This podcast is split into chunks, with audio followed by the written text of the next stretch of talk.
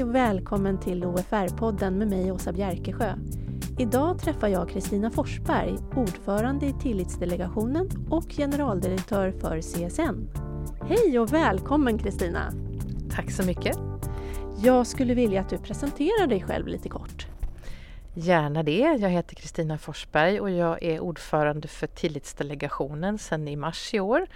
Och sen är jag också generaldirektör för CSN sedan drygt tre år tillbaka. Jag har jobbat som chef i staten i snart 20 år, så det börjar bli en tid. Eh, jag är jurist i botten och har jobbat i domstol också så jag har fått förmånen att vara i den statliga världen under många år. I november 2017 intervjuade jag Anna Lexelius som då var huvudsekreterare i Tillitsdelegationen och hon talade om delegationens syfte och mål och begreppet tillitsbaserad styrning. Och sedan dess har ju uppdraget breddats från fokus på kommun, region och landsting och eh, så att det i december 2017 även kom ett tilläggsdirektiv om att delegationen skulle stödja även statliga myndigheter att utveckla en mer tillitsbaserad styrning och ledning. Kan du berätta om det arbetet? Ja, eh, i likhet med det första uppdraget då, som du nämnde, Åsa, hade fokus på kommuner och, och regioner, landsting, eh, så har ju det, det, var ju ett främjandeuppdrag. Och det här uppdraget som vi precis har avslutat genom att lämna ett betänkande till statsrådet och Lena Micko, det har också varit ett främjandeuppdrag med fokus på statliga myndigheter. Så att precis som tidigare så har vi också bedrivit en mängd olika projekt där statliga myndigheter har fått pröva då hur det är att leda och styra med tillit och det har också varit projekt som handlar mer om samordning inom offentlig sektor. Vi har också haft tillitsnätverk och vi har haft tillitsverkstad där man också har fått pröva lite mer ingående med stöd av forskning. Vi har spridit kunskap till många myndigheter och andra organisationer och vi har också tittat på hur regeringen då främjar den här tillitsbaserade styrningen. Och allt detta har vi då summerat i det här betänkandet som jag nämnde. Ja, du nämner Tillitsverkstan och Tillitsnätverket. Vad innebär det? Vi har bjudit in till att delta i för det första ett nätverk och där har drygt eh, 40-talet, jag tror att det är 47 myndigheter deltagit. Eh, och de har träffats vid eh, ett antal tillfällen för att också pröva de så kallade vägledande principerna för att leda styra med tillit på hemmaplan emellan mötena och sen kommit tillbaka till nätverket och delat erfarenheter med varandra. Så det har vi uppfattat varit värdefullt som de har uttryckt också. Tillitsverkstan, då är det sex myndigheter som, som sträckt upp handen och som vi då sammantaget valde ut att vara med och fördjupa sig också i, i styrning och ledning med stöd av tillit, också med stöd av forskare. Och det är till exempel då polisen var med, de hade ett arbete som kallades snabbare lagföring där man faktiskt hade försökslagstiftning till stöd för det här utvecklingsarbetet, vilket ju ganska unikt skulle jag säga. Inspektionen för vård och omsorg, IVO, var också med och de tittade på tillsynen av HVB, alltså hem för vård och boenden för ungdomar och barn helt enkelt, hur de kunde utöva den tillsynen med ett större inflytande av från barnen och ungdomarna helt enkelt. Och sen hade vi också Trafikverket som sökte efter, tillsammans också med andra organisationer, bättre trafikinformation till pendlarna så att man inte ska behöva stå där på någon station och undra var är mitt pendeltåg utan att få den informationen. Så det är några av de här sex verkstadsexemplen. Och hur märker då anställda rent faktiskt skillnad på att jobba i en tillitsbaserad organisation mot att jobba i en förvaltning som det ser ut idag?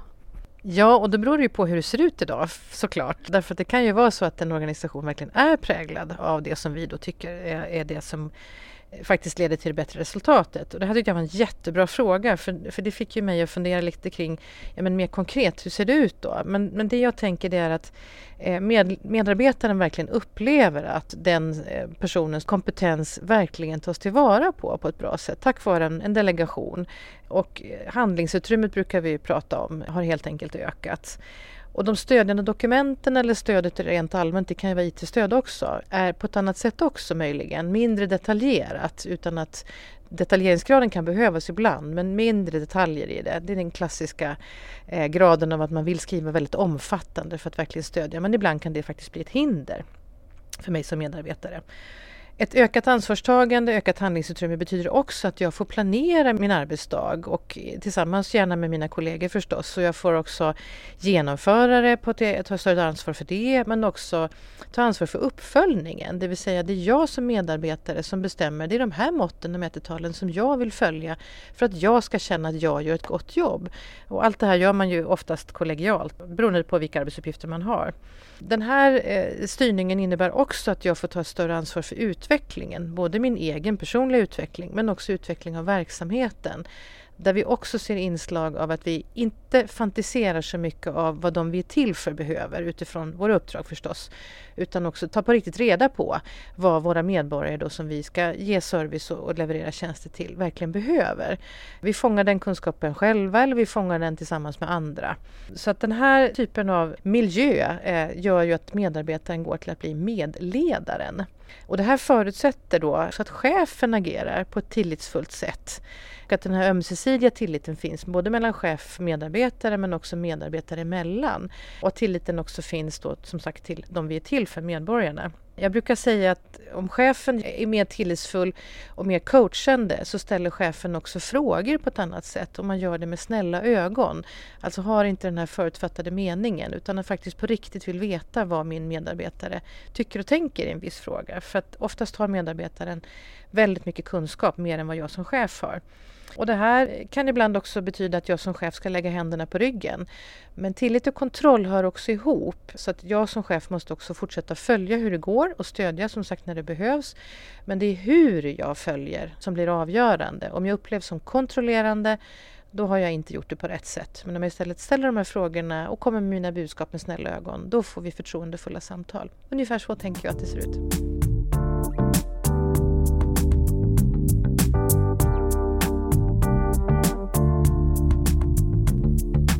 Nämnde ju att ni har lämnat ert betänkande och i det ingår det sju principer som ni tycker ska gälla i tillitsbaserad styrning och en åttonde just för statliga sektorn. Kan du berätta lite mer om principerna och varför det lades till en ytterligare för statliga sidan?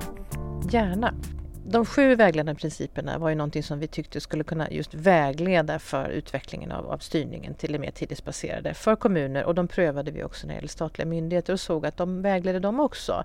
Men vi såg att den åttonde principen, långsiktighet, behövde vi lägga till. Jag kan komma tillbaka till det. Jag har ju redan nämnt en hel del av principerna i, i tidigare frågor. Tillit till exempel handlar om den ömsesidigheten i att, att visa varandra tillit. Också vill jag lägga till när det gäller samarbetspartners och vår uppdragsgivare. Om vi kan få den till tillitsfulla relationen och samtalen så blir det också väldigt bra. Men några som jag inte har nämnt så mycket det är ju kunskap som ju faktiskt står för att vi efterfrågar lärandet och att vi också sprider den kunskapen på ett systematiskt sätt till varandra. Öppenheten handlar om återigen de goda samtalen, att vi informerar och för goda samtal med varandra och välkomnar också olika perspektiv, att ge varandra och, och ta emot också återkoppling. Beröm, beröm, beröm och så det som behöver utvecklas personligen tycker jag att vi inte är så himla bra på det i det här landet. Så vi får, behöver förmodligen träna ganska mycket på det. Men det kan vara mitt perspektiv bara som ingen annan delar, det, det förstår jag också. Och den sista då, långsiktighet. Där såg vi att när vi utvecklar formerna för styrning och, och också jobbar för ett resultat så kan vi inte bara främja det här kortsiktiga perspektivet. Vi måste också ha det långsiktiga för, framför oss. Annars så går vi helt enkelt vilse. Ni beskriver ju ett antal problem som kan hindra tillitsbaserad styrning som till exempel ryckig styrning, plottrig finansiering med mera.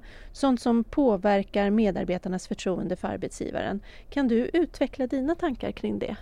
Ja, jag tänker att det här är ju möjligen då en, en eh, mer eller mindre en förändringsresa. Och den här typen av exempel som du ger, ryckesstyrning till exempel, kan ju helt enkelt skapa förvirring. Apropå långsiktigheten som jag alldeles nyss nämnde som en, en viktig vägledande princip för att utveckla den här styrningen. Så jag tror att ibland behöver det vara en förändring i styrningen som kan upplevas som ryckig. Men det viktiga där är dialogen om varför den här förändringen måste ske i en viss riktning. Så jag tror att egentligen så, oavsett då eh, exempel då som du nämnde så handlar det faktiskt om en bra dialog där man involverar varandra i att försöka förstå varför det ska ske på ett visst sätt. Jag tror att det är det som behöver till. Goda samtal löser väldigt, väldigt mycket. Ni skriver tidigt i betänkandet att hög tillit inom organisationen kan kopplas till en mängd positiva effekter. Hur jobbar man för att få medarbetarna att känna tillit till sin arbetsgivare? Ja, jag tänker att ett viktigt perspektiv där det är ju att involvera sina medarbetare i den här resan. Vi har alla upplevelser, vi är alla olika som personer, vi uppfattar saker och ting olika. Men om jag involverar mina medarbetare i en utvecklingsresa som vi ska göra på tidigt, tidigt stadium. Jag kanske har tänkt någonting men att jag, jag, ska inte ha hela lösningen klar. Utan verkligen ge medarbetarna chansen att få påverka och bidra med perspektiv för de sitter ju inne med så mycket klokskap. Och jag brukar kalla det i den andra organisationen då, i CSN, att jag gärna spelar strategisk pingis. Det vill säga jag bollar ut en fråga och sen vill jag få perspektiv och så samtalar vi om, om vad som, ja, de olika perspektiven eller bilderna man kan ha. Och sen kanske det är så att, att jag inte ens fattar något beslut utan det behövs inte därför att vi har redan kommit så pass långt i, i hur vi ska ta oss framåt. Så att spela strategisk pingis, det kan jag varmt rekommendera. Ser du några risker med era förslag? Till exempel om principerna genomförs halvdant eller om något led i styrkedjan inte utvecklas? Det finns alltid massa risker. eh, och det är klart att om jag är alltför riskbenägen då vågar jag ingenting. Då står jag ju kvar där jag är idag. Och då vet jag också vilket resultat jag får. Men eh, om modet sviker, till exempel om det är så att det finns ett högt eh, tryck utifrån eller internt i en eh, organisation att ett visst resultat måste uppnås då är det verkligen risk för att jag faller tillbaka i det gamla beteendet och fortsätter att göra på det sättet för att jag känner en, en viss typ av stress och då tappar jag ju oftast perspektiv. Så det krävs både mod eh, och, och också stöd från varandra under en sån här resa. Och som sagt, tillit och kontroll det hör ihop för jag har sett exempel på eh, när chefer och ledare har, har visat tillit men sen inte följt verksamheten. Och det blir inte bra det heller. Och kanske inte heller givet det stödet som medarbetaren behöver utifrån det individuella behovet. Och det blir inte heller bra. Så det gäller att påminna varandra i det här och stödja varandra i en sån här resa. Då blir det här jättebra. Hur ska arbetet fortsätta kring det som ni har tagit fram nu i betänkandet? Ja, vi hade ett överlämningsseminarium den 10 oktober där statsrådet Lena Micko deltog och en mängd andra myndighetsföreträdare som har deltagit i Tillitsdelegationens arbete och också en hel del generaldirektörer i paneler gav uttryck för hur de kommer jobba vidare. Och jag kan bara tipsa om att det seminariet är en knapp timme och det kan man gärna titta på. Det finns på Youtube-kanalen som Tillitsdelegationen har. Um, och det, det, ger en hel del mer perspektiv i vad betänkandet handlar om. Uh, så vi har ju lämnat över till statsrådet och då tar ju en beredning vid. Vi tycker att vi får signaler på att man kommer att remittera de två förslag som vi har, eller egentligen hela betänkandet med de två förslagen. Och det tycker vi är jätteroligt om det blir så, därför att vi ser behovet av att fortfarande få ett stöd. Myndigheterna gör jättemycket bra saker på egen hand och det gör kommuner också. Men i det här fallet har vi haft fokus på, på myndigheter. Vi ser ett behov av fortsatt stöd och där har vi pekat ut som ett av de två förslagen att Arbetsgivarverket bör inom det nuvarande systemet som det ser ut få regeringens eh, uppdrag då att vara det fortsatta stödet till myndigheter, att vara arena för nätverkande, att sprida kunskap och så vidare. Det som då Tillitsdelegationen har gjort. Så att vi ser fram emot alla de i sådana fall remissvaren och helt enkelt det goda samtalet för det är det som gör att det blir mer konkret och lättare att driva den här utvecklingen vidare.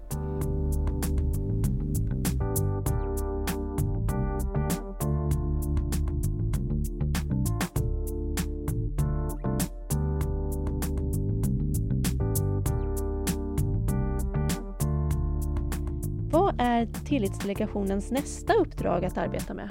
Just nu så har vi ett uppdrag som handlar om att ta fram förslag till både innehåll och eh, struktur för en introduktionsutbildning för alla statligt anställda, drygt 260 000 när man tittar på en siffra för förra året. Och eh, det kommer egentligen från riksdagen som tycker att det här är ett behov som finns, som de har skickat till regeringen, som då har skickat det här uppdraget till Tillitsdelegationen. Så det håller vi på med. Så vi håller på att kartlägga vilka utbildningar finns då för statligt anställda. Inte bara när du kommer ny till staten utan rent allmänt. Innehållet tänker vi ska handla om vad du som statsanställd särskilt behöver, vad som är unikt för dig som statsanställd relaterat till om du jobbar i kommun eller i näringslivet till exempel. Så det håller vi på att ta fram och vi bygger också nu en mängd olika nätverkande och kommer att samtala med både fackliga företrädare, myndighetsföreträdare i övrigt, andra organisationer. Allt för att försöka hitta det goda innehållet och vi kommer att lämna ett förslag då till regeringen eller till statsrådet Lena Micko, då, civilministern, den 2 maj nästa år.